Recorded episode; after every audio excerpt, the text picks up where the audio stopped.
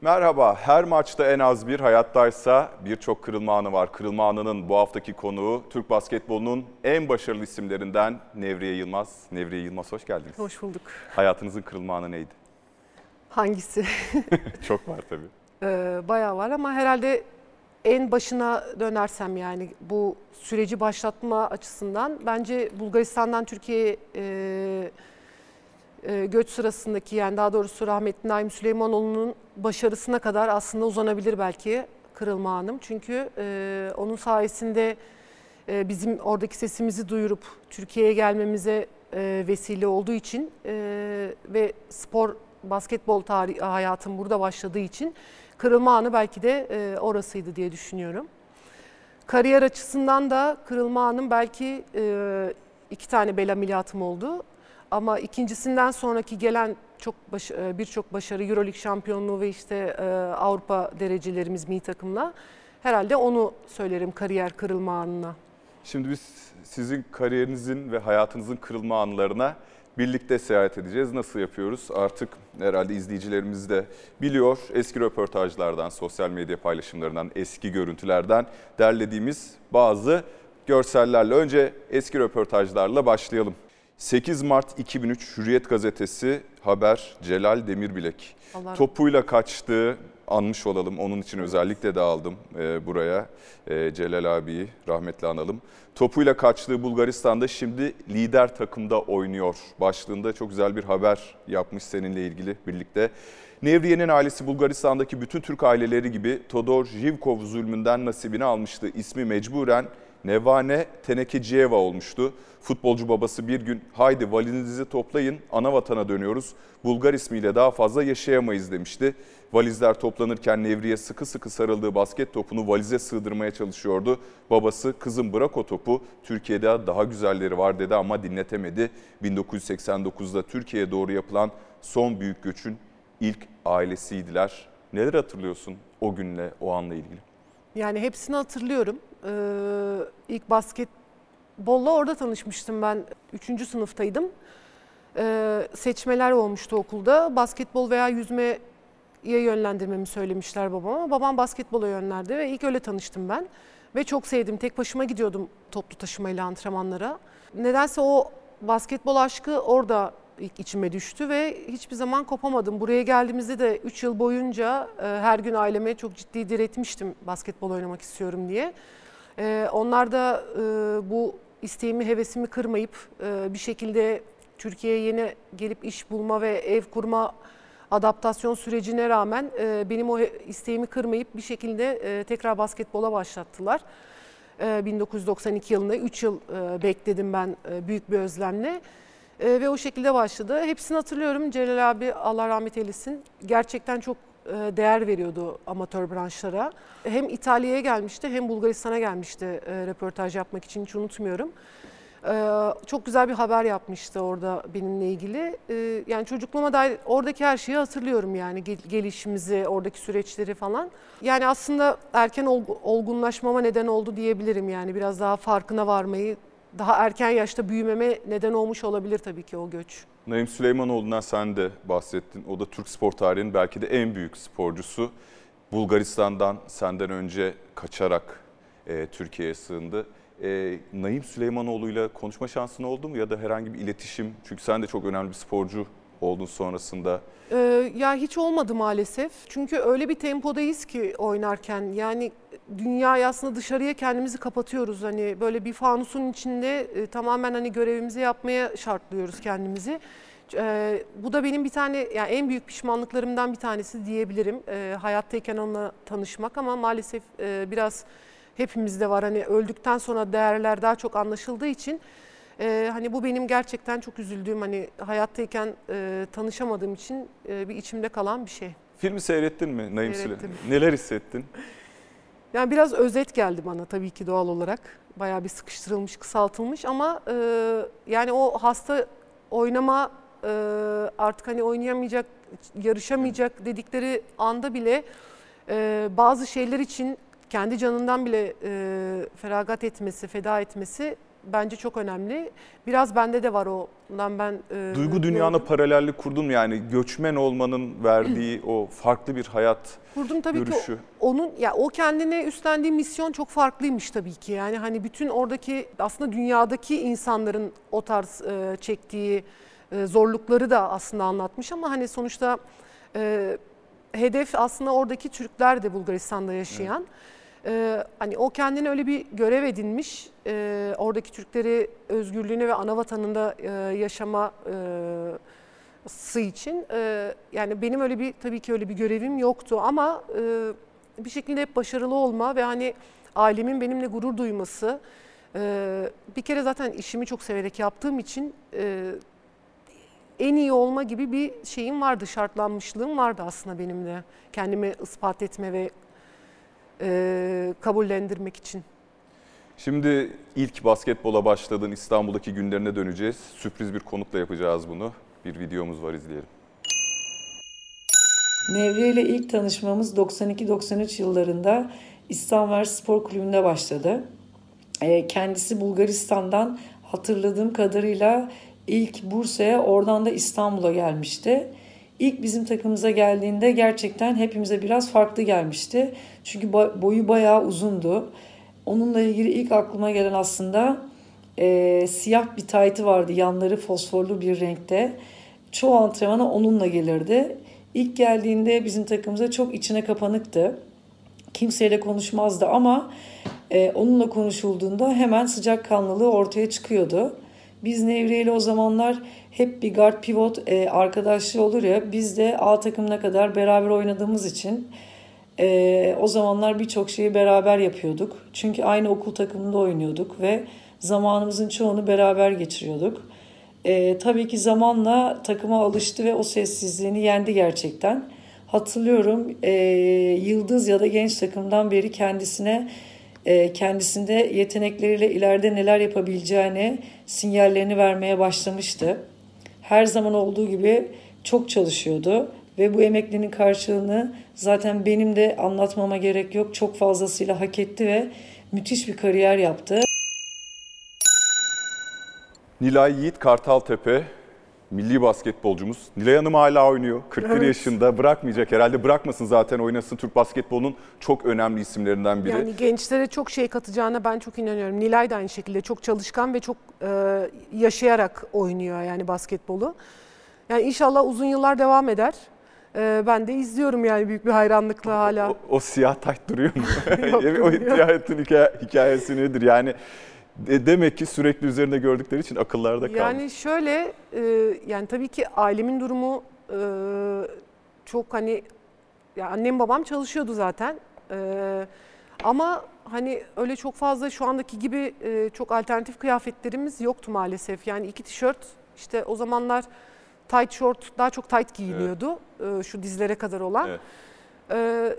Onlardı ve hani e, onları da ben kendim makinamız da yoktu bizim. Ben her antrenmandan sonra kendim yıkayıp kurutup tekrar katlayıp çantama büyük bir özenle koyuyordum.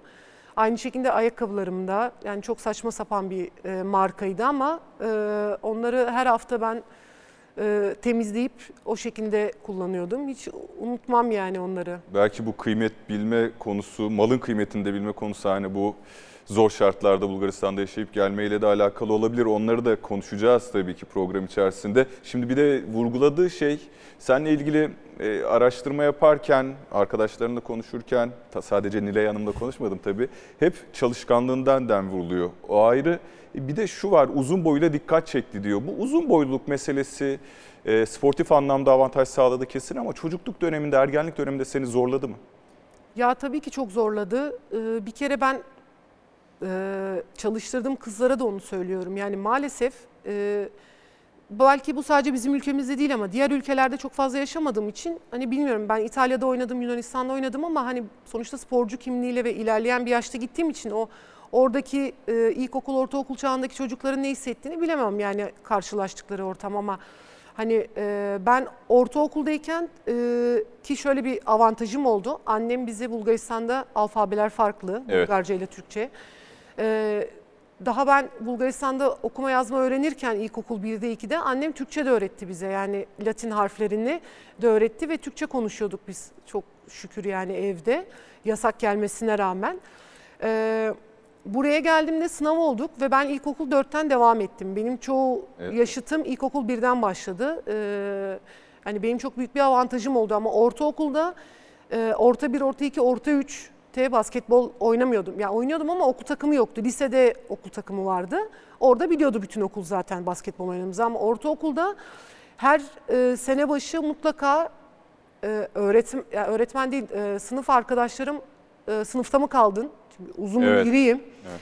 İşte o zamanlar e, işte o flörtleşme dönemleri falan orta sonlarda işte liselerde falan ister istemez olayın dışında kalıyorsun. Onun da bir genç kız psikolojisi için ister istemez bir e, içe kapanma nedeni oluyor. Çünkü hani bakıyorsun bütün takım arkadaşların, okul arkadaşların hep şeklinde bir yani sevgili boyutu demeyeyim ama bir hani bir e, flört duygusal bağ ettikleri kuruyor bir muhabbet ettikleri e, karşı cinsten yani insanlar oluyordu ama maalesef tabii ki bu e, bende o kadar çok fazla olmuyordu. Bu da tabii ki doğal olarak bir içine kapanma ve daha çok yaptığım işi kendimi vermeye ve derslerime vermeye e, belki neden olmuştur. E, oldu tabii ki çok dezavantajı oldu. Hani ister istemez e, kendini farklı olduğunu keşfetmeye başlıyorsun. Hani daha uzunsun, işte daha çok dikkat çekiyorsun. Yolda geçerken insanlar bakıyor, laf atıyor. işte bilmem ne de de boy var diyor. işte falan hani o tarz şeylerle mücadele etmek çok zor. Çok ciddi bir psikoloji. Çok kırıcı herhalde değil mi buna? E kırıcı tabii sonuçta 15-16 yaşında bir genç kız kendini bulmaya çalışan bir ergen için zor bir süreç ama ne zaman ki hani basketbolda veya derslerinde bir başarı elde ettiğin zaman ki ben öyle yaptığımı düşünüyorum. e, o özgüvenle e, yürüyorsun. Hani insanlar laf attığında bile kayla almıyorsun diyor. Hani şey diyorsun hani ben mi takımda oynuyorum diyorsun mesela. O bile onda böyle bir şey yaratıyor. Aa basketbolcu musun, sporcu musun? Bu sefer fizik de değişmeye başlayınca biraz daha kaslaşınca Evet. işte voleybolcu musun, basketbolcu musun? İlerleyen yıllarda da aa Nevriye Yılmaz değil mi buna döndü. Ee, ve bir şekilde topluma ben Ne hissettin böyle tanımaya başladı insanlar? Sadece uzun boylu birisi değil de milli takımın süperstarı ya da Fenerbahçe'nin Galatasaray'ın ilk olarak seni Galatasaray'da belki tanımaya başlamışlardı 2000'lerin başında. Artık ismiyle insanlar sana isminle hitap edince ne hissettin? Ya yani uzun başta- boylu kız yerine. e, ilk başta tabii ki çok güzel. Aa işte beni tanıdı diyorsun.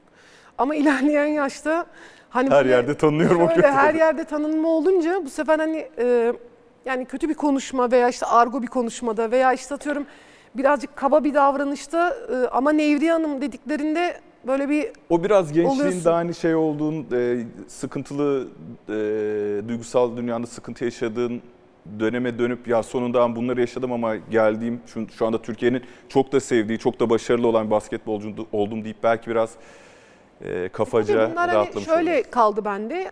Ee, şimdi genç kızlara bunu onlara nasihat olarak ben yaşamış Evet. geçirmiş biri ol- olarak e, bunları hani ben paylaşırsam zaten değer kazanır. Yani hani onların özgüvenini e, benim bu yaşadığım tecrübeyi ben onlara aktarabilirsem ve onlar da bunu alıp Aa demek ki biz işte e, yaptığımız işte konsantre olursak veya şöyle olursak başarılı olursak bir şekilde toplum içinde de saygı ve yer bulacağımıza inanırlarsa e, o zaman e, benim o ya- yaşadıklarımın e, telafisi olur diyeyim yani ben. E, ama şey biraz önce söylediğin şeyi söyleyeyim. Hani ilerleyen yaşlarda da hani böyle biraz daha yaş büyüdüğünce Evet. herkesin tanıması da e, birazcık da rahatsızlık vermeye başlamıştı ama hani o ilk başta 20'li yaşların başında işte hani gazetede çık o zaman bence bir nebze daha çok kadın basketbolu yer alıyordu diye düşünüyorum. Şu anda hani o kadar çok fazla izlenim oranı yok maalesef. Hani ben şimdi eskiye nazaran kıyasladığımda işte milli takım maçlarında işte hani en çok sayı atınca işte Evet. büyük harflerle yazılıyor falan. Hani o tabii ki bir gurur oluyordu ve hani tanınmıştık. İşte Fenerbahçe TV o zamanlar Evet. çok fazla veriyordu kadın basketbol takımının Evet. maçlarını.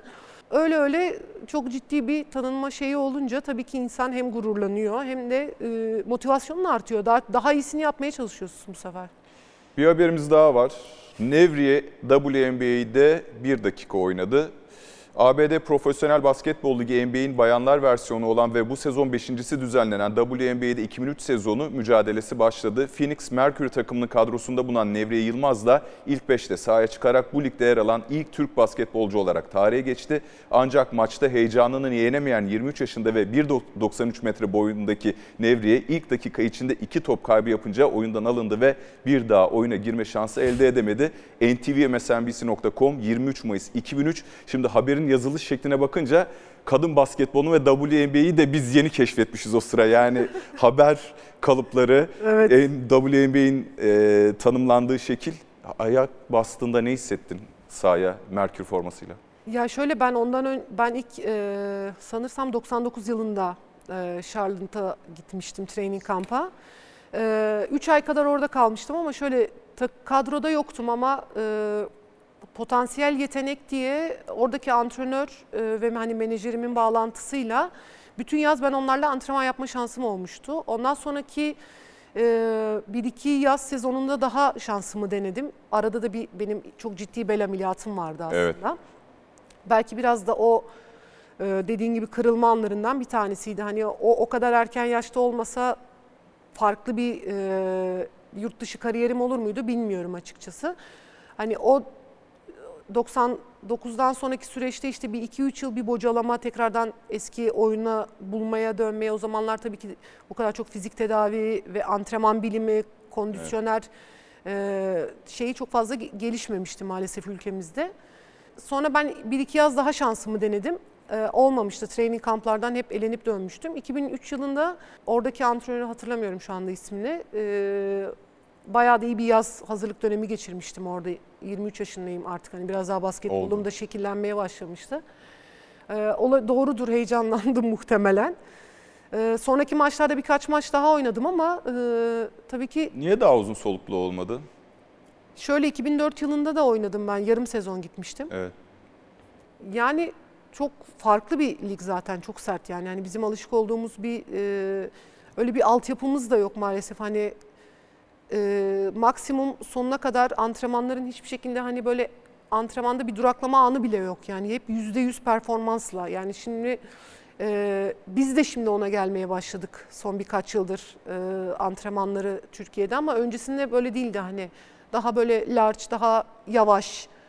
E, şimdi oradaki tempo çok hepsi çok fazla kuvvetli. Kolej altyapıları var. Çok ciddi 4 yıllık bir e, hem basketbol eğitimleri hem de okul eğitimleri oluyor sonuçta. Hani e, yüzde yüz e, eforlu. E, belki de adaptasyon süreci. Sonrasında da e, mini takımla daha fazla e, geçirdiğimiz yazlardan dolayı ben bir daha e, gitmedim, denemedim de şansımı. Şimdi genç yaşta yurt dışına açıldın. İsrail, Yunanistan, İtalya. Aileden uzak kalmak gibi bir e, korkun da olabilirdi. Bir de arkadaşların diyor ki çok Nilay e, Yiğit Kartaltepe de söyledi. Sert gözükür ama duygusal bir insandır. Ne zorladı seni? E, duygusal olarak yurt dışında olmak senin en büyük dezavantajı neydi senin için? Yani aslında şöyle ilk 19 yaşında gittiğimde çok zorlandım. Yani e, İngilizcemin yeterli olmaması belki de. Yani kendimi ifade edememem, arkadaşlık kurabilmek için e, illaki bir dil gerekiyor. Evet. Yani onun hani çok fazla e, diyalog kurabileceğim seviyede olmaması birazcık beni hani yalnızlığa itti orada ve biraz ondan dolayı herhalde arkadaşlarımı, ailemi o, o dönem çok hissetmiştim ama ilerleyen yıllarda e, hala çok sık görüştüğüm İtalya'daki arkadaşlarım, Yunanistan'daki arkadaşlarım, takım arkadaşlarım oynadığım Türkiye'deki yabancılar hani işte tamamen dil ve kendini ifade edememe, e, işte çekingenlik e, den dolayı yaşadığım bir yıllık bir zorluk bir süreç vardı ama sonrasında e, çok rahat uyum sağlamıştım yani. Evet arkadaşlardan bahsettim. Bir arkadaş var. Kim acaba? İzleyelim. I met Nevriye Yilmaz the beginning of her basketball career. She came at, at my team, Apollon Ptolemaidas, at 2001. It was apparent from back that she would become a great player. She's fighter and a leader, full of passion and strength. She always delivers, both in her professional and personal life. The amazing thing about her is that she managed to be a great player and coach while being an admirable human. She's one of the most selfless giving people I have met, and she has never left my side, even we were in different parts of the world. Thank you for giving me the chance to get to know you and for being a part of my life. You know you are my family and you always will be.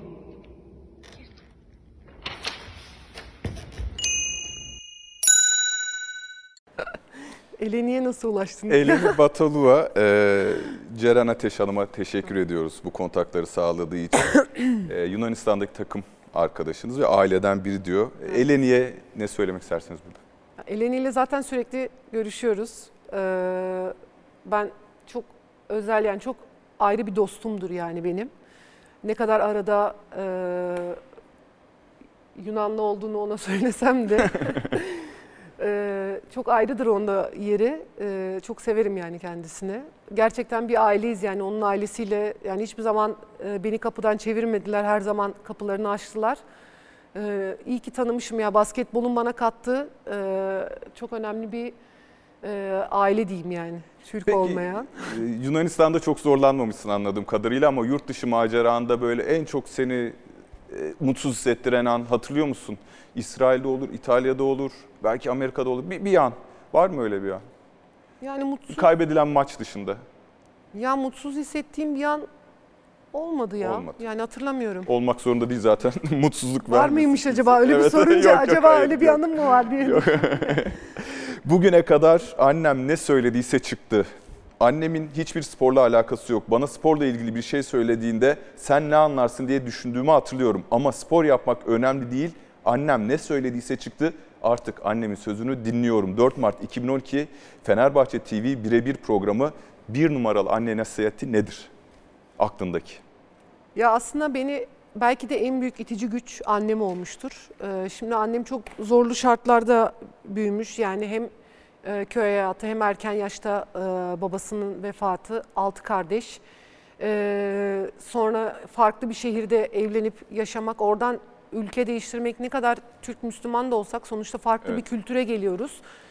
Ee, farklı dilde bir eğitim görüp buradaki sisteme adapte olmak gerçekten şimdi hani büyüyünce çok daha iyi anlıyorum. İki tane küçük çocukla onların geleceğini düşünmek, e, eğitimlerini tamamlamalarını sağlamak çok kolay bir şey değil. Ve annem hemşire olduğu için hastanede 24 saat Evet. nöbet tutup e, bize bir gün öncesinden yemekleri hazırlayıp işte biz aslında kardeşimle çok küçük yaştan beri evde tek başımıza büyüdük. Herhalde hayat azmiyle ve hayata e, tutunmasıyla bir mesaj, genel bir mesaj, nasihati herhalde öyle verdi. Kendi yaşam tarzıyla mı verdi?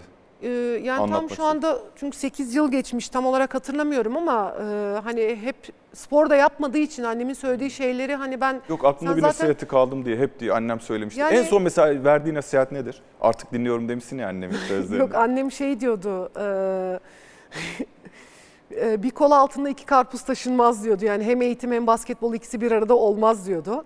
Ben de işte olacak göreceksin diye diretiyordum anneme. E, aslında haklı çıktı. E, eğitimimi tamamlayamadım. Ben üniversite spor akademisine girdim ama bitiremedim maalesef. Mezun olamadım. E, ama e, onu mahcup etmemek adına belki de basketbola daha çok sarılıp e, benimle gurur duymasını sağladım. Hep de söylüyordu yani her maçtan sonra aradığımda yine gururlandırdın bizi diye. E, belki haklı çıktı. Bir kol altına iki karpuz sığmadı ama e, bir yani kol altına inşallah- hayli büyük bir karpuz sığdı. ee, inşallah hani en azından bir nebze onu e, yani zaten benim için e, aileye yani hayırlı evlat olabilmek e, belki zor bir görevdir ama hani ben bunu başarmak için belki de onların e, yüz yani nasıl söylerler bilmiyorum. E, yani alınları açık olsun istedim hep. E, sonuçta hani annem eğitime çok önem veren e, bir kadındı. E, o yönde mahcubiyet hissetmesin diye belki basketbola çok çok daha çok sarıldım. Ona kanıtlamak için, yapabileceğimi göstermek için e, yaptığımı da düşünüyorum. E, en sonunda annem anne artık bırak oyn- bırak oynama dedi. Çünkü her ameliyattan ve her sakatlıktan sonra eminim ki o da aynı ağrıyı hissediyordu acıyı benimle. E, en sonunda hani şey tamam anne oynamayacağım artık dedim. Öyle bir mutlu oldu ama sonra antrenörlük kariyeri başlayınca daha da yoğunlaşınca sporculuktan e, bir şey de değişmemiş dedi bana. Yine aynı yoğunluktasın dedi. E, yani kıyamadı yani herhalde sonuçta evladına diye düşünüyorum. muhtemelen, muhtemelen. Türkiye ilkleri yaşattılar. A Milli Kadın Basketbol takımı tarihinde ilk kez katıldığı olimpiyat oyunlarına çeyrek finalde veda ederken oynadığı 6 maçın 4'ünü kazandı. Kaptan Nevriye Yılmaz milli takımın olimpiyatlardaki en skorer ismi oldu. Nevriye 6 maçta toplam 67 sayı atarken Juanitra Hollingsworth ise 65 sayıyla ikinci sırada yer aldı. 8 Ağustos 2012 Habertürk gazetesi 16 yaşından bu yana milli takım forması giyiyorsun ve deyim yerindeyse sahada kulüp takımlarında da öyle. Hep senin eline bakılıyor. 2-3 oyuncudan birisi. Belki de ilkisin. Özellikle milli takımda. Nasıl etkiledi bu seni bu baskı? Sürekli başarılı olma baskısı. Ya ara ara isyan ettiğim oldu yani hani benim hiç kötü oynama lüksüm yoktu açıkçası. Yani vasat bir performans sergileme lüksüm de yoktu. Belki de hani ona empoze olmuş olabilirim bilmiyorum ama benden hep iyi oyun bekleniyordu ve ben hani çok şartlandırmıştım kendimi. Ee, yani hiçbir zaman kendimi de o yüzden hep eleştiririm. Hiçbir zaman çok iyi oynadığım bir maçtan sonra bile skor olarak yani istatistiksel olarak bile çok yüksek rakamlarda çıktığım bir maçtan sonra bile e, hala eksiklerimi buluyordum ve hiçbir zaman kendimi izlemeyi çok sevmiyordum ben. Çünkü hep izlerken şunu yapamamışım, buraya geç gelmişim, niye atmamışım, pas vermişim. Hani hep kendimi eleştiriyordum. Aslında bu bu kadarı da e, kötü çünkü bu sefer mükemmelliyetçilik güzel bir şey ama dozajını kaçırdığın zaman bu sefer hani hem ruhsal hem de fiziksel zarar da veriyor. Çünkü yani hepimizin bir kapasitesi, iş yapabilme kapasitemiz var. Ee, belki ben sadece kendi başıma, kendim için oynamaktan çok hani o gün sen kötüysen ben senin yerine de oynamaya çalışıyordum. Ee, işte diğer arkadaşımın hatasını kapatmaya çalışıyordum. Bu da ister istemez ekstra bir yıpranmama neden olduğunu düşünüyorum. İşte e, oynamayan arkadaşlarımızın üzüntüsünü paylaşıyordum. Halbuki ben arkama yaslanıp bacak bacak üstüne atıp oh ben iyi oynadım. Veya işte ben elimden geleni yaptım daha ne yapayım demedim hiçbir zaman. Hep hani keşke işte keşke keşke hani hep o şekilde geçti. Ee, belki de bu hani sınırlarımı zorlamama neden oldu ama hem kulüp takımında hem e, milli takımlarda dediğin gibi e, benim hani kötü oynama şansım yoktu. E, kazandığımız benim iyi kötü oynadığım veya yeterli oynamadığım maçlardan sonra bile hani bana bakışlar hani sen kötü oynadın ama biz yine de kazandık. Veya işte e, iyi oynadım e, hani zaten oynaman gerekiyordu yani hani neyin havasını atıyorsun gibiydi. Hep öyle bir e, baskılama oldu belki antrenörlerden. Nevriye. Yılmaz hep sahada Nevriye Yani Nev benim- gibi olması lazım diye Şöyle bekliyorum. aynen benim hani foul yapmayacağım. Asla faal problem, Asla problemine foul giremezsin. yapmamam lazım. Orta Ee, mesafe 40 dakika hiç çıka- çıkmamam gerekiyor. Ee, mutlaka 20 sayının üstünde atmam lazım. Tuttuğum oyuncunun iyi tutmam gerekiyor. Her kısanın geçildiğinde yardıma gelmem gerekiyor. İşte falan filan öyle e, şeyim rolüm var Araya da yani. 2-3 tane de ceza üçlüyü sığdırdın mı? Üçlükler biraz daha sonradan Daha geldi. sonradan hani belden geldi. dolayı çok fazla içeride Evet. fiziksel e, mücadeleye giremeyince ister istemez hani şut yönümde olduğu için biraz daha hani e, üçlüklerde olmaya başladı ama o biraz daha son birkaç yıla denk geliyor. Yaşım 36 ama yıpranmışlıktan dolayı kendimi daha ileri bir yaşta hissediyorum. Belki bir seneden de fazla oynayabilirdim ama 1-2 yıl maddi manevi çok bir şey katmayacaktı bana. Aslında 2014'te bırakacaktım ama o dönemki başkanımız Turgay Demirel takımı bir olimpiyata daha götürmemi istediği için 2 yıl daha basketbola devam ettim. 9 Kasım 2016 Karar Gazetesi e, bir röportajında kendini basketbol çok seven ve basketbol için her şeyi yapabilen, yapabilecek birisi olarak tanımlamışsın. Bu kadar çok severken neden bu kadar çok yıprandın? Aslında biraz önce birkaç cümleyle bunun cevabını dediğim verdin. gibi kaytarmadım hiçbir şeyden hiçbir zaman. Yüzde yüzümle yaptım. Ee, yani hesap kitap yapmadan işte atıyorum e, yarını ya da ileriyi düşünmeden o an için yani hani o an yapmam gerekiyordu ve yaptım. Belki de e, biraz önce hani annemle ilgili şey de yapmıştık. Hani takım arkadaşlarımdan bir tanesi kolay maçlarda ya da belli yani kazanabileceğimiz e, maçlarda e, maçın başında iki ya da üç folleyip hani böyle istemiyormuş gibi olup çıkıyordu. E, bu durumda benim çıkma ihtimalim hiç kalmıyordu zaten rotasyon daralıyordu. Mesela benim annem hep onu söylüyordu ya sen de biraz daha uyanık olsana hani bak şey yapıyorlar kendi yani üç foul yapıp şey yap, dışarı çıkıyorlar işte sen de yapsana falan. Ya anne olur mu öyle şey falan deyip hani mesela belki öyle şeyler yapabilirdim veya belki atıyorum e, ağrım olduğunda ağrım var gerçekten deyip e, kenara geçip e, iki antrenman dinlenebilirdim ama hiçbir zaman onu yapmadım. E, belki o da birazcık fiziksel olarak e, yıpranmama yani yıpranma sürecimin hızlanmasına neden olmuş olabilir. Ki bu sadece benim için geçerli değil tabii ki yani belki en, en yakın örneği Birsel'de olduğu için aslında Birsel de çok erken yaşta e, basketbolu bıraktı diyelim. Hani bunun yaşı yok gerçi basketbolun. Hani artık bence fizikten fizik de çok önemli fiziğin yapabileceği ama bence zihinsel olarak artık eğer yeterli görüyorsa beyin bence artık gitmiyor zaten. Ee, çünkü hani zaten her şeyi vücutta yaptıran organımız beyin. Ee, hani Birsel de 35 yaşında bıraktı. Ben 36 yaşında bıraktım. Ee, sonuçta hala 35-36 yaş üstü oynayan e, arkadaşlarımız var. Hani bizim jenerasyonda hala oynayan tek tük de olsa var hala. Ee, hem de Euroleague seviyesinde, üst seviyede oynayanlar da var. Ee, yani biraz da ülke şartları diyelim. Hani kulüplerin yüklediği e, misyon, vizyon hepsi biraz da hani belki de bu kadarlıktı. Şimdi bu çalışkanlığıyla ilgili seni anlatabilecek bir konuğumuz daha var. Bakalım kim? Nevriye de- denince aklıma ilk herkes yılar Nevriye Yılmaz geliyor. Gerçekten de bu tabirin hakkını sonuna kadar verdi. Çok genç yaşında olmasına rağmen e, her zaman çok olgun bir e, kafa yapısına sahipti. E, her zaman çok planlı ve programlı, aynı zamanda da disiplini de elden bırakmadan antrenmanlarına ve maçlarına konsantre oldu. Sosyal hayatını e, basketbolun arkasında bırakabilmeyi başardı ki bu her zaman çok kolay değildir. Özellikle genç yaştaki profesyonel ve bir, bir yerde iyi bir kulüpte oynayan sporcular için bu hiç kolay bir şey değildir. O bunu başarabildi. Biz her zaman tatillere giderken o hep İstanbul'da kondisyoneriyle ve fizyoterapistiyle kalıp kendini bir sonraki hedefe, bir sonraki şampiyonaya veya sezona hazırladı. O yüzden de hep hem arkadaş çevresinde hem spor camiasında örnek bir karakter oldu. Ve kariyerini de Türkiye'nin belki de en kariyerli sporcusu olarak tamamlamasında bunun çok önemli olduğunu düşünüyorum. Seninle gurur duyuyorum, başarıların devamını diliyorum. Şimdi Soner Mezgitçi eski milli voleybolcularımızdan, benim de çok yakın bir arkadaşım.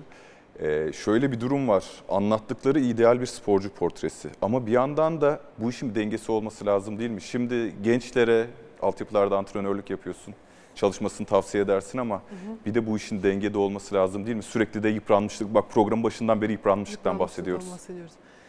Ya tabii ki ama o birazcık da kişiye bağlı. Yani hani ben e, Soner'le biz üniversitede tanışmıştık ve hani dostluğumuz şu zamana kadar devam etti. E, yani ben ne bileyim o ara vermeyi e, yaz tatili olayını bir türlü ben vicdani olarak yapamıyordum. Hani ertesi güne sınavın, ödevin olur, hazırlanamazsın, yeterli değildir de gece uykudan kalkıp gece yarısı ders çalışırsın ya vicdanını rahatlatmak için o hep bende oldu. Ee, yani yaptığım işe ihanet ediyormuş gibi hissediyordum tatile gittiğimde. Üçüncü, dördüncü gün mutlaka dönmüşümdür yani benim. Ee, öyle bir şeyim olmadı hep e, ya da olduğum pozisyonla yetinmedim. Daha iyisini olmak istedim. Ee, ne bileyim fark yaratmak istedim belki de ve seviyorum ben çalışmayı çok seviyorum. Yine aynı şekilde kariyerimde devam ederdim mi diyorsun bir şansım olsa? Yani bir Biraz daha şekilde- belki. Yok yani bir şekilde tekrardan başlama şansım olsa belki daha erken yaşta daha çok çalışmaya başlardım diye düşünüyorum. o da güzel. Sakatlıklarımı engellemek için, önlemek için. Evet yani şu kalıpta söylemeden edemeyeceğim. Nevriye Yılmaz da kolay olunmuyor. Ee, bir haber daha Nevriye Yılmaz Galatasaray yolunda 2011-2012 sezonunu şampiyon unvanıyla tamamlayan Fenerbahçe'de yönetim Nevriye Yılmaz'a yeni teklifini yaptı. Ancak milli basketbolcu kulübün yaptığı teklifi düşük bulunca ben bir süre düşüneyim diyerek izin istedi. Haziran 2012 Hürriyet gazetesi Fenerbahçe'nin sembol isimlerinden biriyken ya da sembol olma yolunda giderken ne oldu da Galatasaray yoluna girdi? Yani şöyle e, bu haber benim tarafımdan olan bir haber olduğunu düşünmüyorum. Öncelikle onu da Ha, söyleyeyim. haberin Ee, doğruluğunu sorguluyoruz. Yani olayın e, ücretle alakasının olmadığını söyleyebilirim çok açık. Çünkü e, Fenerbahçe'nin o zamanki e, teklifte bulunduğu, ya ben o dönemi çok net hatırlıyorum ama tabii ki hani e, bazı şeyleri de hani çok fazla da dillendirmek istemiyorum ama e, sürecin çok farklı geliştiğini söyleyebilirim. E, Galatasaray gitmek aslında ya Fenerbahçe'den artık ayrılmak vardı kafamda. Onu, onu orasını net söyleyebilirim ama ilk seçeneğim Galatasaray'a gitmek değildi açıkçası. Ee, ki Türkiye'de iki büyük kulüp arasındaki transfer sürecinin ne kadar zor olduğunu yani sporcu için ne kadar e, bir psikolojik zor zorluklar getireceğinin farkındaydım zaten öncelikle onu da söyleyeyim. Ee, ama artık Fenerbahçe'deki ilişkilerin koptuğunu, e, ayrılmam gerektiğini ben fark ettim. Ee, ama hani bu Türkiye'de değil, daha çok yurt dışına gitmek istiyordum açıkçası. Hani basketbolu e, Fenerbahçe'ye gelmeden önce de İtalya'da oynuyordum 3 sezon. Yine aynı şekilde İtalya veya İspanya'ya gitmek vardı kafamda. Ama o zaman e, o dönemdeki e, hem araya olimpiyat girdi, e, 2012 olimpiyatları. Biraz geç gelişen bir olay. Olimpiyatın biraz daha ortasında hani herkes takımını Avrupa'daki kulüpler takımları genelde Mart'ta veya Nisan'da bitiriyor transfer dönemlerini. Türkiye'de genelde yaz dönemi oluyor. Basketbol için söyleyeyim diğer branşları bilmiyorum açıkçası. Ee, biraz geç kalınmış olmamızdan dolayı ve hani o sırada benim Fenerbahçe'den artık tamamen resmi olarak e, her anlamda koptuğundan dolayı işte e, Galatasaray'ın menajerimle kontağa geçip ve antrenör de benim eskiden çalıştığım antrenörün olması, Ekrem abinin oraya gelmesi biraz daha süreci hızlandırdı diyebilirim. Aslında biraz çok şey olmuyor hani ben Galatasaray'a gitmek istemiyor adam kastım Fenerbahçe'den direkt ayrılıp Galatasaray'a gitmek istemiyorum. Yoksa Galatasaray'a gittiğim için hiçbir şekilde pişman değilim. Fenerbahçe taraftarına bir manevi bağlılık hissettiğinden Yani mi? sonuçta o, o yani Fenerbahçe kulübüne 7 yıl çok ciddi hizmet verdim. 7 yılda 7 tane şampiyonluğumuz, Cumhurbaşkanlığı ve Türkiye kupalarımız var ve hani artık dediğin gibi o kulüp yani kaptanlığını da yaptım son 3 sezon. Ee, bir sembol haline gelmiştim ve o şekilde e, direkt rakip takıma gitmek e, ne bileyim hani benim çok fazla etik anlayışıma sığmıyordu. Belki ben biraz duygusal bakıyordum olaya. Ama dediğim gibi hani biraz daha Ekrem abinin orada oluş amacı e, menajerimin birazcık daha hani baskısı ve e, yönlendirmesiyle gelişen bir süreç oldu. Ve zaten hani psikolojik olarak da herhalde hazır olmadığım için sezon başı ben belimden tekrar sakatlanıp e, ameliyat olup bir sezon oynayamayıp çok e, zor bir dönem geçirmiştim o dönem. Bu rekabetin yani Türkiye'deki en köklü rekabetlerden birisi Ee, yani bu rekabetin merkezinde yer almak seni nasıl etkiledi? Yani çok zor bir psikoloji bir kere yani. e, Yani Abdi Çünkü- çıktın her maçta. Yani şöyle Peki, şimdi e, bayağı şu son dönemde işte o zamanlar e, biraz daha e, ba- seyirci basketbola yani kapalı oynuyorduk neredeyse yani full tribünlere oynuyorduk. Özellikle derbi maçlarını e, ve çok ciddi seyirci geliyordu. Şimdi ben Fenerbahçe'de oynarken Galatasaray seyircisi tarafından çok sevilmiyordum. E, zaten bunu da dile getiriyorlardı ki ben herhangi bir provoke edici bir şey e, bir harekette de bulunduğumu düşünmüyorum. Onların beni kabul etmesi kolay olmadı. Yani bu sefer iki tarafı da aslında kaybetmiş oldum. Çünkü Fenerbahçe'den Galatasaray'a gidince Fenerbahçe taraftarının bir kısmı beni suçladı. Bir kısmı da hani yönetime kızdı. Hani nasıl bırakırsınız? Ee, bir kısmı da hani nasıl işte satarsın gidersine geldi. Öbür tarafa Galatasaray'a geçince işte Fenerbahçe'de oynayan Fenerli birini nasıl alırız biz e, Z geldi. Hani çok e, iki tarafın da beni kabul etmediği bir, bir yıl yaşadım. Bir de üstüne sakatlık olup ben oynayamayınca. E, e, kulübün de e, hani baktığında ödediği para da boşa gitmiş gibi olunca benim antrenörüm ve oyuncular benden sahada olmamı beklerken ben hala sahaya geçiş aşamasına geleme, gelememem. Tabii ki bunlar bende çok ciddi e, ve tabii ki ben de sinirliyim. Kendimi ifade etmek istiyorum iki tarafa da hani keyfimden ayrılmadım. Sizin için de oynamak istiyorum gibi böyle şeydeyim ve hani o dönem şöyle bir bilmiyorum Allah tarafından herhalde bir dinginlik geldi bana. Yani orada bir sabır yüklemesi oldu bende. Ki sonrası zaten çok güzeldi. De ona geleceğiz. Tamam. Ona geleceğiz. Peki şurada hmm, bir kulübe yakın hissediyor muydun? Basketbola işte Filibe'de doğdun, geldin. Aile olarak bir kulübe yakınlığınız var mı? Herhangi bir takım tutuyor muydunuz? Fenerli misin, Galatasaraylı mısın? Ya şöyle biz e, Profesyonel çerçeve dışında soruyorum. Ya aslında hiçbir takımı tutmuyorum. Yani hani taraftar değilim öyle söyleyeyim. Yani e, taraftar olmadım ama hem Fenerbahçe'de oynarken hem Galatasaray'da oynarken kulübü en iyi şekilde temsil etmeyi, kulüp hakkını hatta gerekirse saha içinde oynarken ufak tefte ufak tefek çirkeflik yapmayı kazanmak için tabii ki yaptım. Yani e, çünkü sonuçta profesyonelim ve hani o kulübün senden bir beklentisi ve bunun karşında maddi bir e, ödemesi oluyor ve ben bunu e, tabii ki hakkını sonuna kadar vermek zorundayım. Ben öyle hissediyordum. Tabii. Aynı şekilde Galatasaray için de geçerli. E, Ama sonra hep bu soru gelince bana hangi takımı tutuyorsun? Bir düşündüm ben neden takım tutmuyorum? Hani çünkü yani biz Bulgaristan'dan geldiğimizde ki o e, süreçte ben hiç hatırlamıyorum babamın takım tuttuğunu. Ya da babamın bana şu takımı tutacaksınız, bu takımı tutacaksınız dediğini hatırlamıyorum. Bulgaristan'da bir iki tane maça götürdü. Oynadık, yaşadığımız şehirdeki takımın maçlarına gitmiştik ama e, buraya gelince hiç öyle bir muhabbet ben babamdan duymadım. Ama hani bu 2000'li yıllarda Galatasaray'ın o UEFA kupasını kazandığı Evet. işte o efsane kadronun olduğu dönemde babam mı hatırlıyorum işte o 2000'li 98 99 Evet. 2000'li yıllarında "Aa, Galatasaray çok güzel futbol oynuyor. İşte ilk defa o zaman hatırlıyorum babamın bir futbol yorumu Anladım. yaptığını. Daha önce böyle Beşiktaş'ı beğeniyordu o Metin Ali Feyyazların evet. dönemi falan onları 90'lar hatırlıyorum ama hani babamdan şu takımı tutacaksınız ya da bu takımı tutacaksınız diye bir şey gelmiyordu. Arkadaşlarımızdan geliyordu işte söylemeyeyim şimdi Dileğin tuttuğu takımı işte bu takımı tutsana başkası işte şu takımı tutsana falan yani hani bana bir şey anlam ifade etmiyordu. Biraz aileden geliyor bence bu e, takım tutma süreci. Katılıyorum, katılıyorum. Şimdi Fenerbahçeliler için e, sence ne anlam ifade ediyorsun kısa bir cümle? Nasıl hatırlasınlar seni Fenerbahçeliler? Yani ölmüş Anarki. gibi hatırlıyorum. yok, İyi, iyi yok. Allah korusun öyle değil. Soru da uygun Yani- olmadı ama.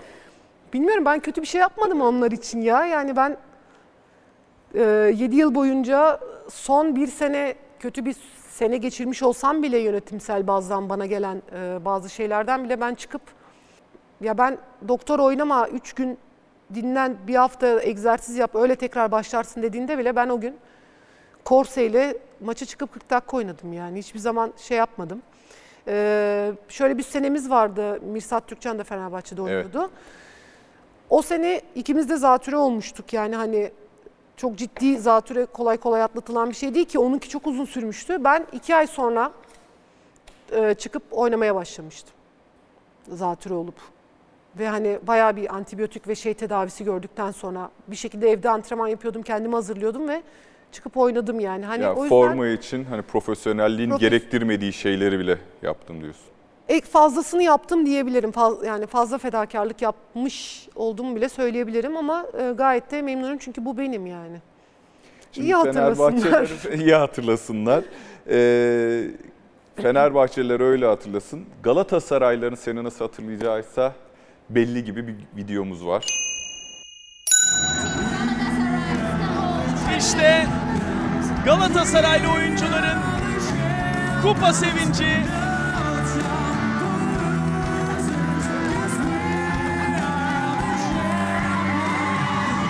Ekaterinburg'da kupa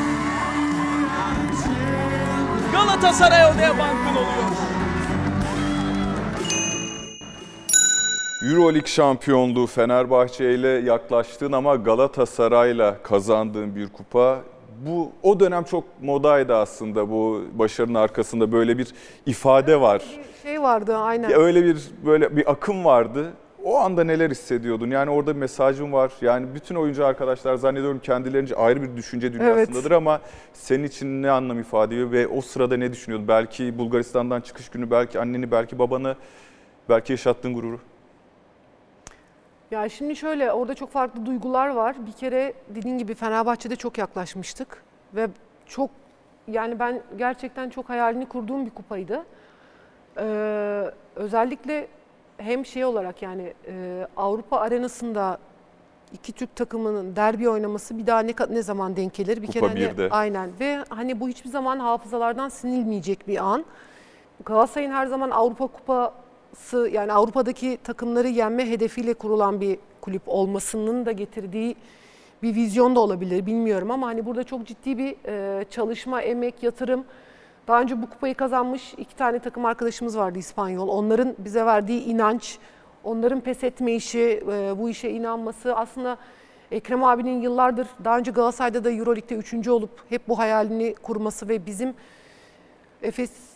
Efes'te çalışırken Ekrem abi ben o zaman Evet. Fenerbahçe'de oynarken hep muhabbet olduğunda ben bir gün bu kupayı kazanmak istiyorum deyip hani bir şekilde bilinçaltına bunu yerleştirmesi sonra da e, kaderin bizi aynı takıma denk getirip ve benim bir, bir sezon önce oynayamayacak olmam ve hani çoğu doktorun artık bırak demesi. Yani gerçekten kırılma anlarından bir tanesi aslında bütün duyguları barındırıyor. Hani e, Fenerbahçe'de verdiğim emek orada da bu kupayı kazanmak istiyordum ama hani e, o- o- oraya göre rakip camiada kazanmış olmam hani e, söylenilen kötü sözlerin aslında bir, bir, bir yerde de kanıtı hani hala yapabildim ve yaptım. Hani bir sürü duygu var. Ama hani bunu belki ilk defa söyleyeceğim. Ee, sevinip hani bir kupayı öptükten sonra ben normal hiç kupa öpmüşlüğüm yoktur benim. Tek öptüğüm kupa Euroleague kupasıdır. Çıkıp Ekaterinburg'daydık Rusya'daydık. Evet. Koridorda e, Birsel'le Meral'i ben yerde ağlarken gördüğümde e, gerçekten çok üzülmüştüm. Çünkü benim hayalimde, hedefimde onlarla beraber o kupayı kazanmak vardı aslında. Ama e, yani gerçekten o anda bir e, üzüldüm yani hani beraber yapamadık olmadı gibi bir düşünce geçti içimden. E, ama yani bu bunun tarifi yok tabii ki yani en önemli kupası. Ayrıca Türkiye'ye de gelmiş ilk e. Avrupa en üst seviye kupası. Onu da bir kere daha belirteyim çünkü yanlış anlaşılıyor. Oraya da geleceğiz. Aynen yani ilk Türkiye'ye gelmiş en büyük Avrupa kupasıdır yani bu en üst düzey. Evet. Cinsiyet ayrımcılığı yapmazsak. Evet, şimdi sosyal medyadan seçtiklerimizle devam ediyoruz. Kendisi için Küçük Ayşe melodisinde söylenen Nevriye Yılmaz, Nevriye Yılmaz herkes yılar, Nevriye Yılmaz tezahüratı pek bir hoşuma giden çok başarılı bayan basketbolcu. 31 Mayıs 2009'da bu cümleler girilmiş. Bu tezahürat hoşunuza gidiyor mu? Bir de sizi ifade ediyor mu yılmamak? Herhalde ben ikna oldum bütün program boyunca yılmayacağınıza. E tabii ki ediyor. Çok güzeldi. Hoşuna gidiyor. Evet. E, devam edelim o zaman. Sonra cover oldu bu şarkı ama olsun ben Galatasaray'a geçince ama güzeldi yani. Öyle evet ya o durum evet herkesin mağlubu. Avrupa'nın en önemli uzunlarından biri hatta belki de en iyisi post-up oyunlarında gayet iyi. Rebound kovalıyor. Orta ve hatta uzak mesafe şutu çok iyi. Şut konusunda her gün üzerine biraz daha koydu ve artık neredeyse %50-%60 ortalamalar yakalıyor. Savunması da gayet gayretli ve etkili. Erkeklerde tam Nevriye gibi bir oyuncu olsaydı biraz Borusis, biraz Mirsat, biraz Fuçka'dan ibaret olurdu. 31 Ocak 2011. Ee, neden erkek basketbolundan oyuncu örnekleri vermişler? Kadın basketbolunda sizin gibi birisi yok mu? Sizden daha iyisi yok mu ya da? Belki kadınlardan örnek verselerdi Avrupa veya Amerika düzeyinden belki çok fazla seyirci ya da okuyucu kitlesinin kıyas yapabileceği Gerçi bir bu şey sosyal olmayacaktı. medya aslında. Yani evet hani o yüzden e, erkekleri daha, çok takip edildiği için belki hani ha- hayal güçlerinin Peki, daha kolay çağrışım yapacağı için olabilir. Borusis, Mirsat, Fuçka uygun Şöyle- düştü mü sence senin stiline? Zaten ben çocukluğumdan beri çok büyük bir Mirsat Türkçen hayranıydım. Ee, her maçını izlerdim. Ee, ve onun o hırsı, mücadeleci yapısı e, beni çok etkilemiştir. Yani aslında benim e, rol modellerimden, idollerimden bir tanesi o ve Fuçka'dır. Ee, Borusis daha sonraki Evet. jenerasyon olduğu için hani e, ben hep o ikisinin oyununu e, hep böyle bir feyz aldım aslında kendime. Ee, o yüzden hani benzetme aslında yani hoşuma gitti. Çünkü hani hep Evet. o onlar onlar tarzı oynamak istemişimdir. Ee, demek ki hani o şekilde görebilmişler. Olsun. Biraz önce ucundan girdik konuya ama e, şimdi Euroleague Galatasaray'ın kazandığı Euroleague kupasının ülkeye gelen ilk kupa bir olduğunu vurguladın özellikle. Yani demek ki şu e, kadın basketbolu ya da kadın takım sporları erkek takım sporlarının gölgesinde kalıyor. Bu seni üzüyor mu, kızdırıyor mu, öfkelendiriyor mu? Ne hissediyorsun çok başarılı bir kadın basketbolcu olarak? Ee, vallahi ne hissettiriyor? Ya tabii ki e, ne yaparsak yapalım erkeklerin yarattığı o popülariteyi hiçbir zaman biz yakalayamıyoruz maalesef. Aynı şekilde e, devamlılığı sağlayamıyoruz yani. Erkeklerde yapılan bir başarı e, yıllar sonra bile konuşulabiliyor ama hani kadınlardaki o anda olup bitiyor. Yani dediğim gibi şey için söylemiyorum. Fenerbahçe'nin kazandığı Euroleague şampiyonluğu, nın kupası yapıldı heykel olarak. E, ama bizim bu aldığımız Euroleague kupasının bir posteri bile yapılmadı mesela. Hani unutuldu gitti gibi sadece o an olayın kahramanları veya şahit olanlar hatırlıyor sadece. Hani bu üzücü. Hani hiçbir zaman e, kıyasladığında da ben Türkiye Milli Olimpiyat Komitesi e, sporcu komisyonunda da e, görev alıyorum. E, orada hep üstünde duruluyor. Özellikle e, cinsiyet ayrımcılığı ile ilgili Evet. her zaman e, kadın ve erkeklere verilen şartlar eşit olsun diye. E, olmuyor ama sonuçta bunun mücadelesi verilmeye devam edilmeli bence bir şekilde. E, yani Türkiye'de milli müsabakalarda özellikle kadınların elde ettiği başarılar erkekle kıyaslandığında iki katı ya da üç katı.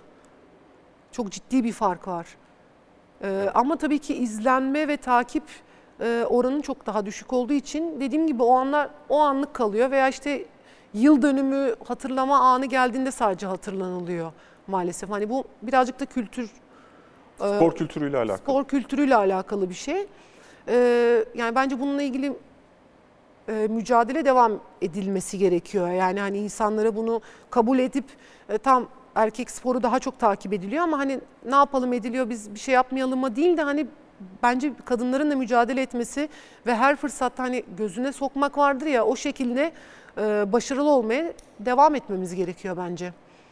Galatasaray A takımda asistan koç olarak başladım ancak geçiş süreciydi. Tam olarak görevimi ve yapmam gerektiğine gerektiğini algılayamadım ve zorlu bir süreçti. Kolay olmadı. Olayın içine girince daha temelden başlamam gerektiğini düşündüm ve Galatasaray U18 takımının başına geçtim. 9 Eylül 2019 Sokrates Talks röportaj Caner Eler. Ee, neden bu kadar zor adapte oldun sence koçluğa, altyapıya? Ee, yani aslında şunu da görüyorum. Ee, yani hiçbir şey tepeden inmeyle bir kere ol- olunmuyor. Olunsa bile e, bir devamlılık ve başarı geldiğine inanmıyorum. Yani ben bu şekilde inanıyorum. Ee, mutlaka oyunculukta da öyle. İyi bir oyuncu değilsen ve şans eseri diyeyim bir takıma gittiysen büyük bir takıma orada tutunamazsın. Çünkü oyun Evet. kaliten yeterli değil. Bir şekilde oradan ayrılmak zorunda kalırsın veya daha seviyene e, uygun bir takıma geçersin. E, ve hani bu başarı atıyorum büyük bir camiada olmuş olman e, sadece bir yıllık bir serüven kalır. Antrenörlük de aynı şekilde. Yani bence e, en temelinden başlayıp bu küçük minik takım Evet. değil tabii ki benim yaşım itibariyle e, biraz kariyerimin sonunda antrenörlüğe başladığım için hani küçük minik takımdan çok hani biraz daha yıldız veya genç takım seviyesinden başlayıp e, hem kendimi tanıma hem o jenerasyonu anlayabilme. Çünkü jenerasyon farkları artık çok daha fazla olmaya başladı. Yani yeni, yeni nesil çok daha farklı. Yani elektronik çağda büyüyen bir nesil olduğu için algıları ve bakış açıları çok farklı. Onları ikna etmek, bir şeye inandırmak bence eskiden da eskisine göre çok daha zor. Yani şimdi bizim dönemle kıyasladığımda 20 yıl öncesiyle şu suyu içeceksin dediğinde içiyorduk. Hani şey demek diyemiyorduk yani ben kapalı su istiyorum gibi bir söyleme hakkımız yoktu ama şimdi 20 yıl sonraki jenerasyona baktığımızda e, öyle bir şey var ve hani onu ikna etmen gerekiyor bir fark olmadığını veya işte e, neyse olayın şeyi e, gidişatı ile ilgili. O yüzden hani hem yeni jenerasyonu yakalamak hem de e, kendi koçluğumu veya yapabileceklerimi kendimi nasıl ifade etmem gerektiği yerin orası olduğuna inanıyorum ve e, özellikle ülkemizde e, havuzumuz çok dar oyuncu havuzu. Hani e, A takıma da oynarken altyapıdan çıkan oyuncuların çok eksik çıktığını, antrenmanların hep durduğunu, bizim sinirlendiğimizi, geri geldiğinde onlara kızdığımızı unutmadım, hatırladığım için hani o çocuklara A takıma çıktıklarında ezilmemek için hani en azından sağlam bir temel basketbol bilgileri olursa ve bunu alışkanlık haline getirirlerse orada çok sırıtmayacaktır. Hani özgüveni de yüksekse. Çünkü özgüveni eksik geliyorlar A takıma, çekiniyorlar. Çünkü emin değiller yaptık ne yaptıklarından. Evet. Ama emin olsa eminim ki özgüveni de yüksek olacak. Ee, o yüzden oranın eksik olduğunu düşünüyordum. Ee, iyi ki de öyle bir şey yapmışım. Çok memnunum. Ee, aslında oyuncu yetiştirmek e, bana daha çok hitap eden bir şey. Yani hem her insana dokunuyorsun. Sadece basketbol öğretmiyorsun. Aslında hayatla ilgili örnekler de veriyorsun. Ee, gelecek planlaması da yapıyorsun. Vizyon katıyorsun. Bir şeylere inandırıyorsun. Ee, çok farklı yani. Altyapı aslında daha zevkli ve e, yorucu Ama hani manevi açıdan çok tatmin edici bir yer olduğunu düşünüyorum. Her iki takım da topluca ısınmalara geçtiğinde taraftarın halen Işıl aleyhine tezahürat yapması üzerine milli takımdan takım arkadaşı olan Nevriye Yılmaz tribünlerin önüne kadar geldi ve Işıl'a küfür etmeyin diye taraftardan ricada bulundu. Bunu söylerken ki ses tonu, mimikleri, hareketleri bu işten gerçekten çok büyük rahatsızlık duyduğunun kanıtıydı. Maçın başlamasına 15 dakika vardı. İşte o andan maçın son 1 dakikasına kadar Işıl'a küfür edilmedi. Maç biraz e, herhalde riske girince ya da rahatlayınca da küfür edilmeye devam edilmiş. Kötü.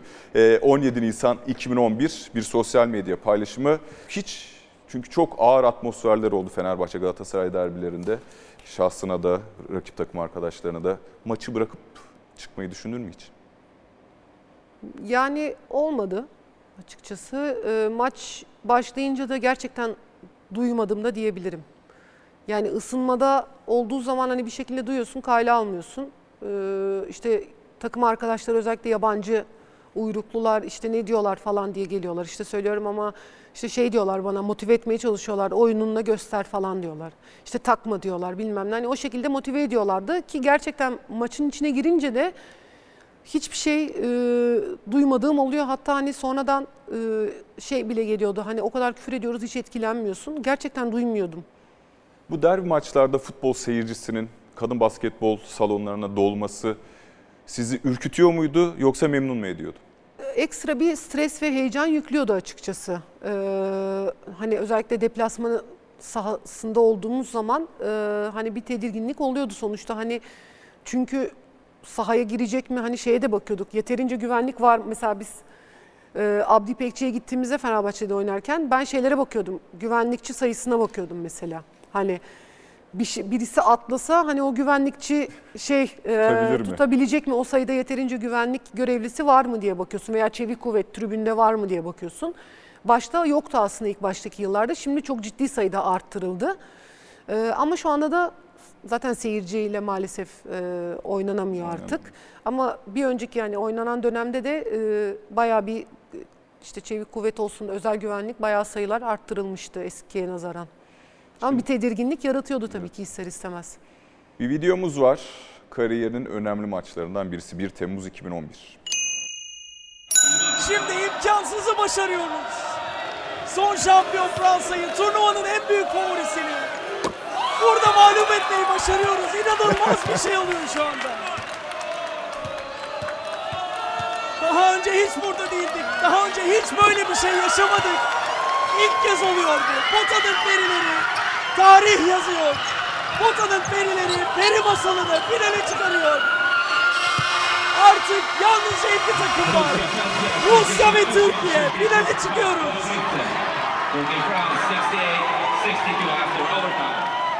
Sonuna kadar hak edildi.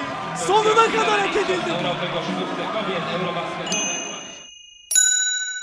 Sonuna kadar hak ettik İsmail Şenol anlatımıyla egosunu ve sinirlerini aldırmış olan süperstar. Yıllardır kendisini izlerim böyle bir profesyonel Türkiye toprakları üzerinde görmedim.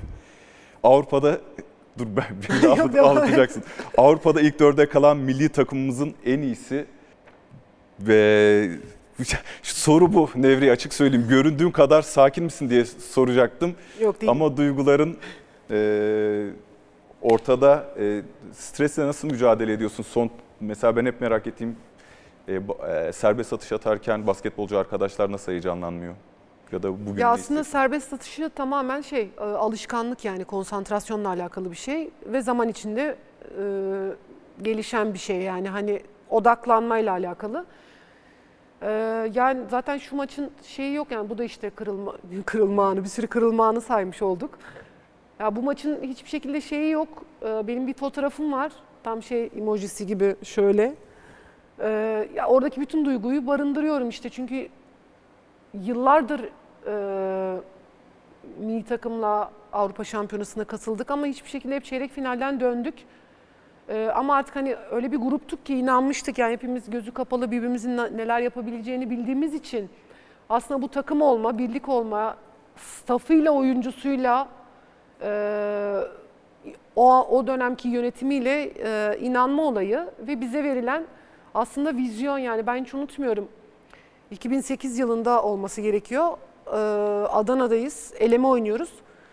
Ve elemeyi geçtik. 2009 Avrupa Şampiyonası'na katılacağız. Garantiledik o elemeden sonra. Ee, işte yemek gibi bir son akşam yemeği. Ertesi gün herkes kendi takımına dönecek.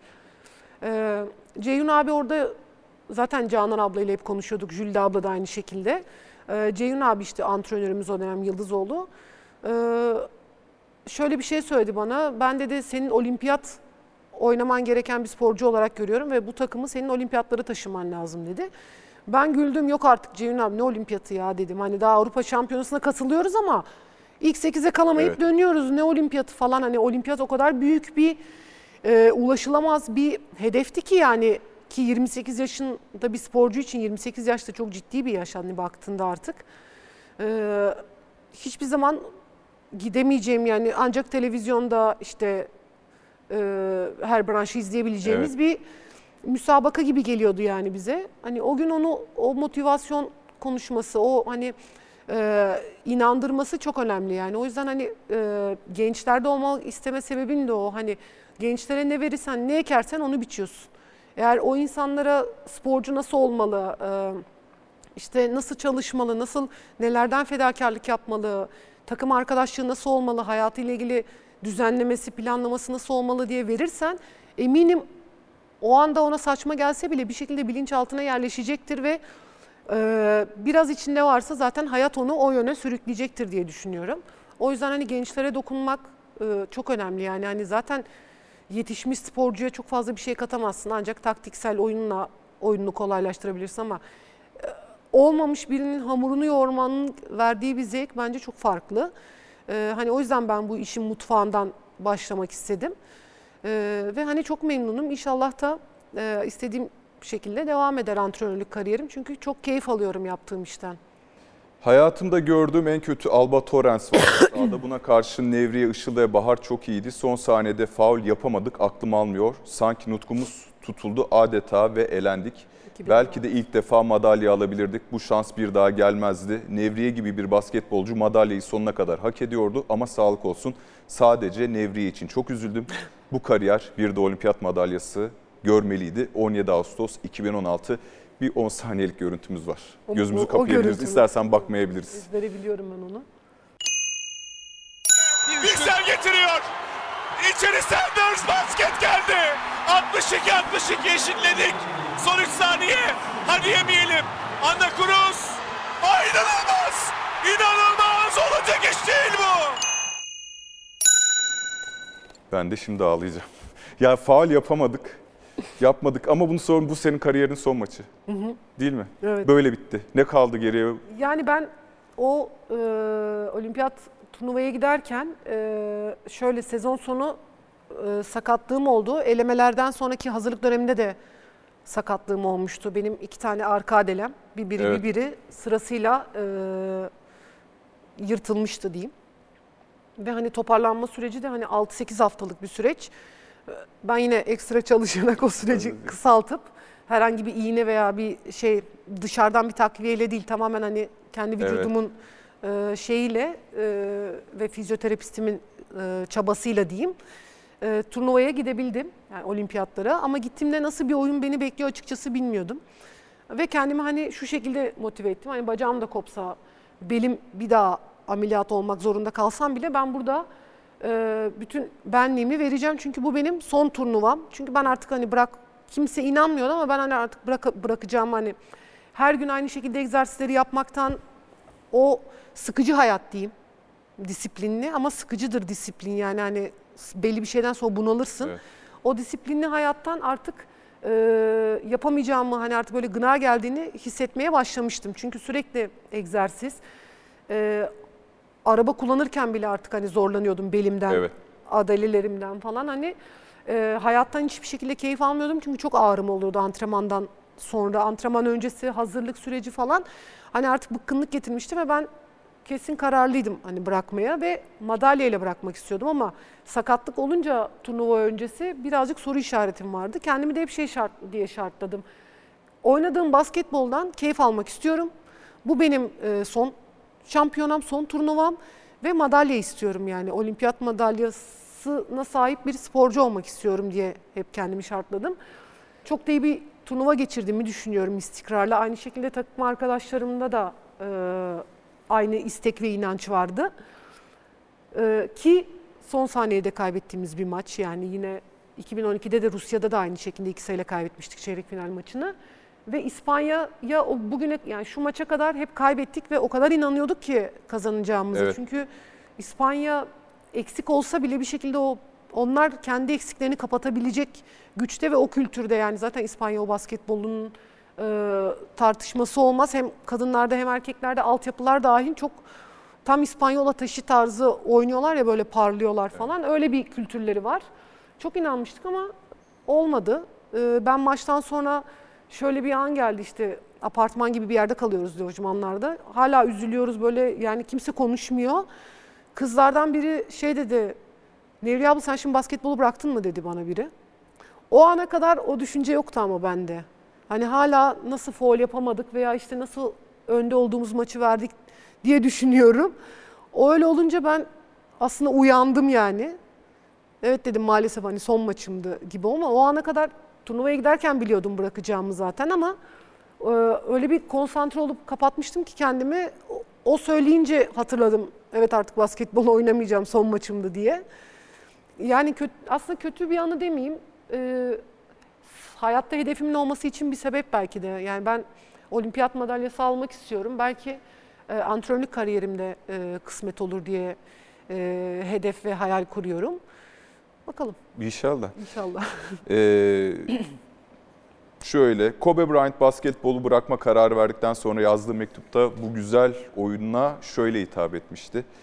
Bu öyle derin bir aşk ki aklım bedenimden, ruhum ve duygularıma kadar her şeyimi sana verdim.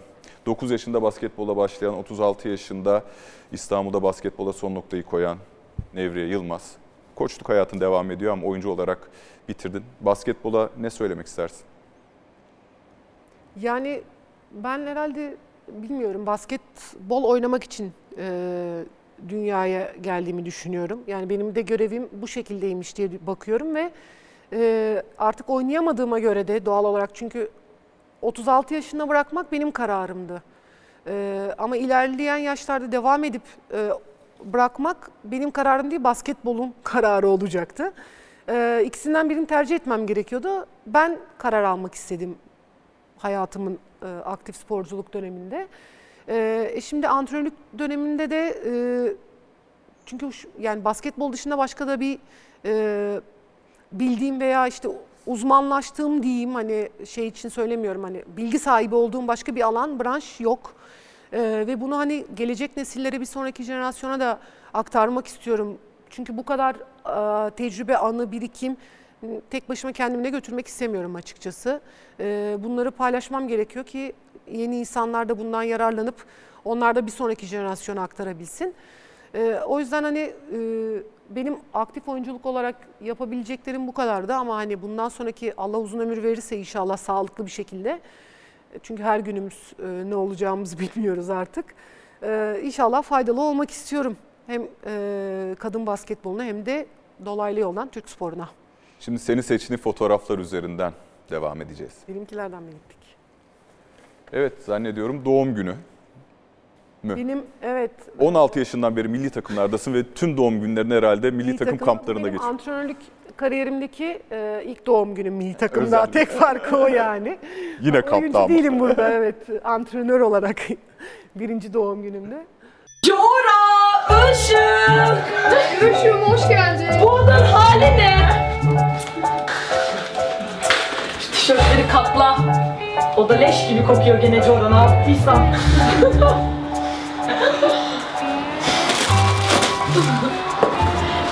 biraz yardım et istersen.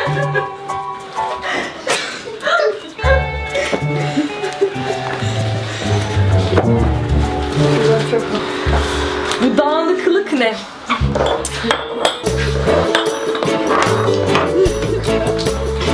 Bu yıldızlı pijama kimin? Benim. Şu lacivert tişört kısa, göbeği açık. Kimin? Şöyle şey bat ya. İyi ki doğdun kaptan! İyi ki doğdun kaptan!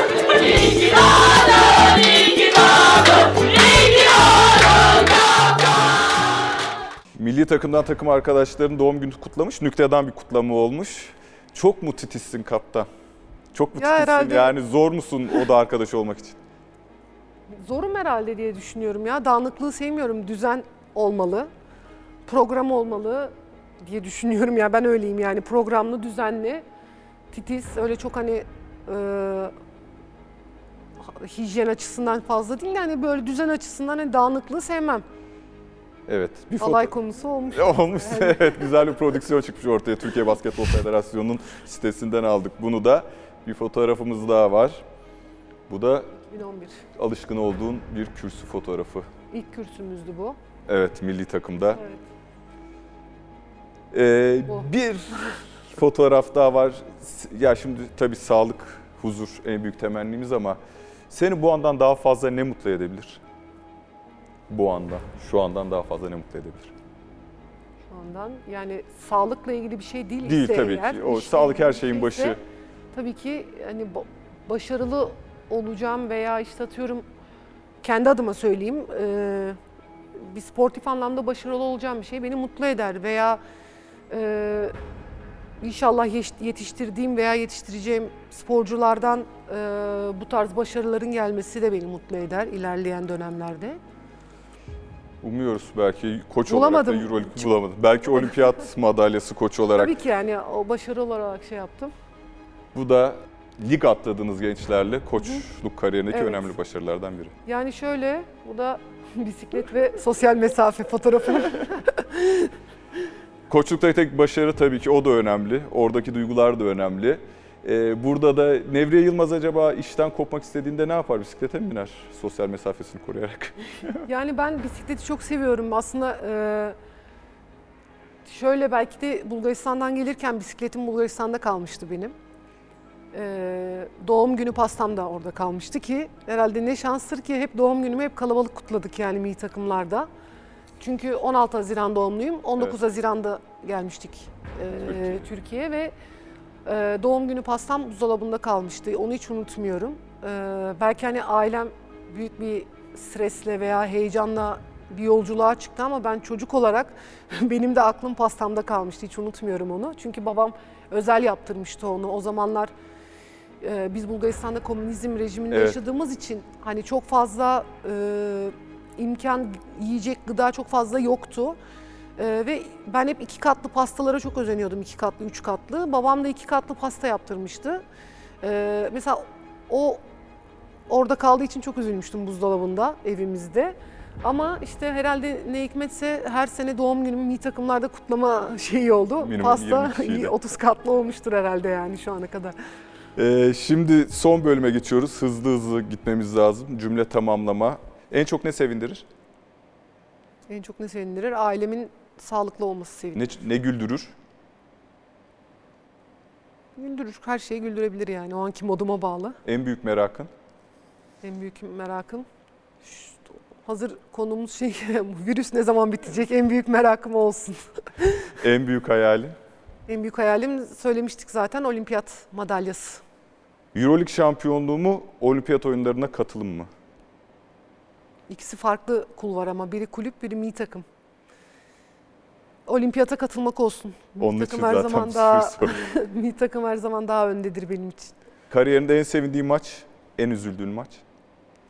Ee, en üzüldüğüm maçlardan bir tanesi bu. İspanya'ya kaybettiğimiz. Ee, en sevindiğim de gerçek anlamda sevinme yani e, Fransa maçı. Yarı final 2011 milli takımla. Çok önemli maçta bir sayı e, Euroleague finali diyelim ya da son hücum çıkıyorsunuz. Top kimin elinde olsun oyun kurucu olarak? Işıl mı Birsel mi? Bende olsun. Topu getiriyoruz ama ön Topu ben getireyim. ya bilmiyorum. O antrenör olarak mı soruyorsunuz? bunu Hayır, şu anda? oyuncusu. oyuncu olarak. Antrenörümüz neye karar verirse o. Diana Taurasi mi, Cappy Pondexter mi? Ee, Kepi Pondexter. Bir sayı önde olup savunma yapmak mı, bir sayı geride olup hücum yapmak mı? Bir sayı önde olup savunma yapmak. Cafer Ağa mı, Ülker Arena Metro Enerji Salonu mu, Abdi İpekçi mi? Abdi Pekçi. En sevdiğin kelime, Basketbol. en sevmediğin huyun, takıntılı olmam çok. Kahramanın kim? Kadın erkek fark eder mi? Fark etmez. O zaman annemle babam. En son ne zaman ve niçin ağladın? Biraz önce ağladım. Eski fotoğraf, e, videoyu görünce ağladım en son. Kırılma anının sonuna geldik. Hoşçakalın.